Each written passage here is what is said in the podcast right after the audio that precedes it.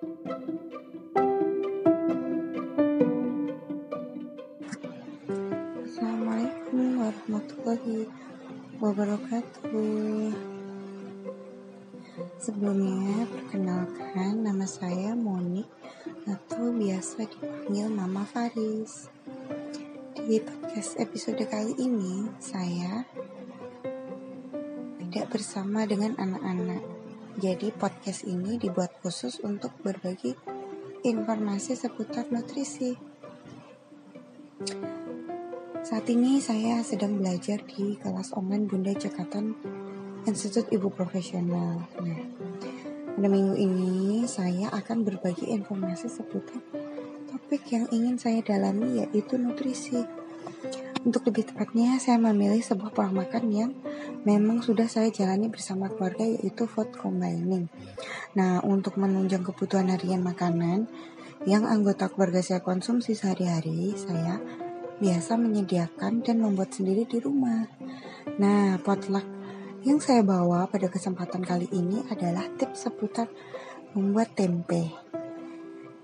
Nah, teman-teman di rumah pasti su sudah sudah sudah terbiasa ya, sudah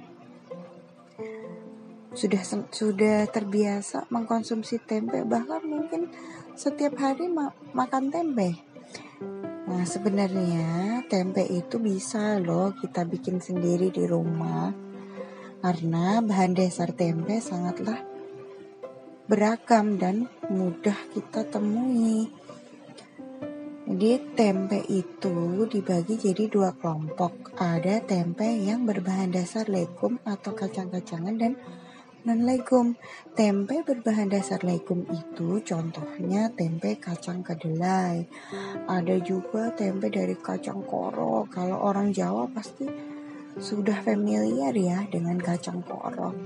Kemudian kacang ke, uh, kacang hijau, kacang kecipir, kacang merah, kacang tolo, kacang tanah, kacang koma, dan masih banyak kacang-kacang lainnya yang Indonesia punya. Sedangkan tempe yang berbahan dasar non legum ada tempe dari biji mungur, tempe bongkrek, tempe garbanzo, tempe biji karet, dan tempe jamur merang.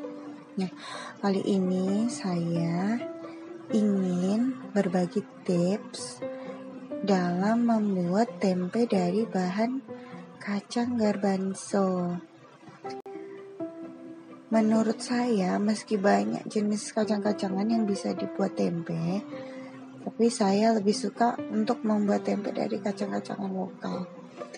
Kebetulan saya lagi punya uh, stok bahan kacang garbanzo ya.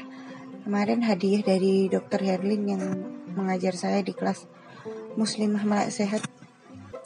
Saya pakai 500 gram ya kacang garbanzonya. Kita langsung ke proses pembuatan tempenya aja ya teman-teman. Setelah kita siapkan bahannya, kita tuang kacangnya ke dalam wadah untuk kemudian dicuci dan direndam. Biasanya saya melakukan perendaman tuh sekitar 8 sampai 10 jam. Baru setelah itu kacangnya direbus atau dikukus ya sampai empuk. Setelah kacang direbus, uh, kacang dikup, dikupas kulitnya hingga bersih. Kemudian kacang setelah kulitnya bersih, direbus kembali.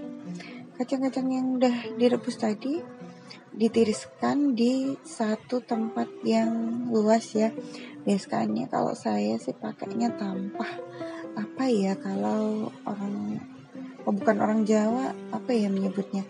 Tampah itu tem apa ya wadah yang terbuat dari bambu, bambu yang dianyam. Pokoknya uh, kacang-kacangan itu ditiriskan dan diletak di tempat yang uh, apa yang tempat yang luas. Jadi bisa diangin-anginkan untuk melepaskan panasnya. Jadi jangan didiamkan di satu tempat yang gak ada sirkulasinya. Karena karena kacang yang panas tadi bisa menghasilkan air. Nah supaya kacang bisa lebih cepat kering terkadang saya menggongso ya. Apa ya menggongso itu menumis uh, tanpa minyak. Jadi digongso cepet aja di atas gorengan jangan sampai gosong apalagi kalau kacang kedelai ya. Kalau kita bikin tempe dari kacang kedelai biasanya kacangnya cepat gosong. Biasanya saya cukup diangin-anginkan saja kalau saya bikin dari kacang kedelai. Jadi setelah diangin-anginkan sampai benar-benar kering baru kacang bisa diberi ragi. Untuk kacang sebanyak 500 gram saya pakai setengah sendok peres raginya kemudian diaduk. Uh, saya aduknya pakai uh, adukan kayu sendok kayu. Jangan pakai tangan langsung ya. Setelah diaduk hingga rata tercampur rata baru dikemas. Biasanya dua hari fermentasi tempe sudah bisa dikonsumsi. Tetapi ada juga beberapa orang yang senang mengonsumsi tempe yang difermentasi semalam saja. Itu semua uh, selera aja ya. Nah, ada beberapa poin yang ingin saya sampaikan. Uh, tips ya. Tips supaya tempe yang kita buat itu berhasil.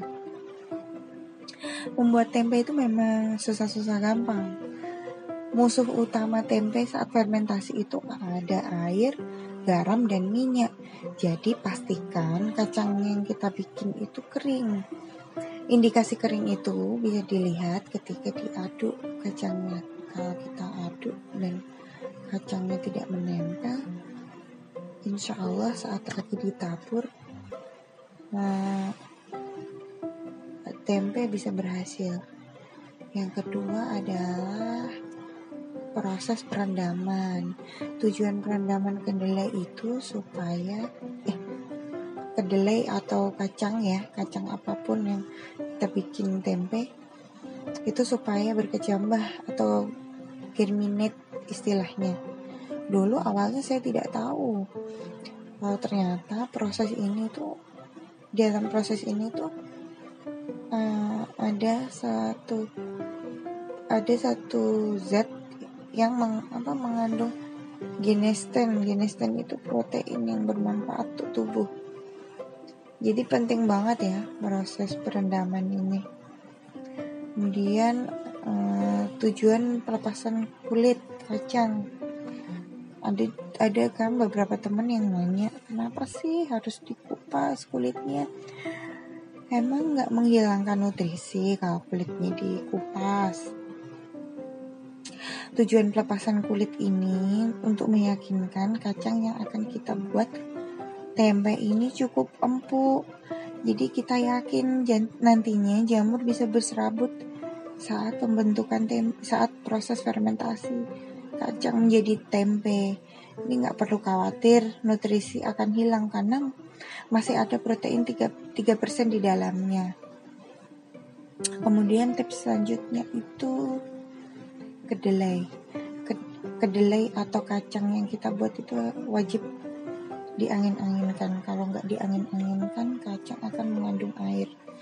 Kalau mengandung air kacang akan lebih mudah busuk. Kemudian penggunaan ragi. Penggunaan ragi nggak perlu banyak-banyak ya karena kalau kebanyakan akan membusukkan kacang dan tempenya nggak akan jadi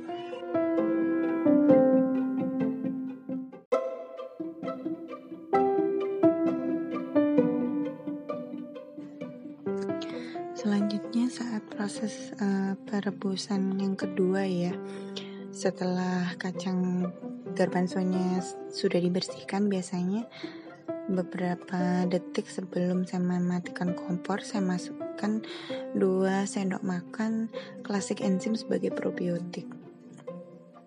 Karena kan jamur tumbuh di tempat asam ya jadi saya menambahkan pro, probiotik ini untuk mm, membuat suasana lebih asam sehingga proses fermentasinya juga lebih cepat. Jangan khawatir ya bekas bekas apa air yang ditiriskan nantinya juga bisa kita jadikan pupuk tam pupuk untuk tanaman.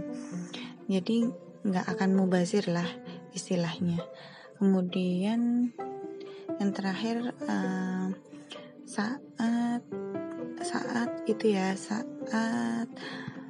saat membungkus uh, kacang-kacangan tadi kita kita bisa pakai daun pisang. Umumnya kan kita pakai daun pisang atau kalau misalkan di dekat rumahnya itu banyak daun dari pohon jati atau daun waru yang lebar bisa juga digunakan untuk mengganti.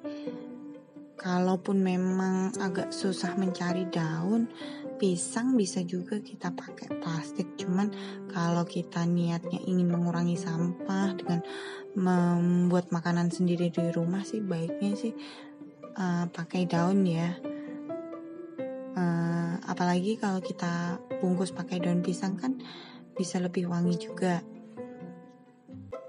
jadi kalau kita pakai daun biasanya saya double untuk lapisan pembungkus luarnya. Saya kasih lagi lapisan di bagian dalamnya yang ukurannya lebih kecil. Biasanya sih seukuran tempenya supaya ada sirkulasi udara.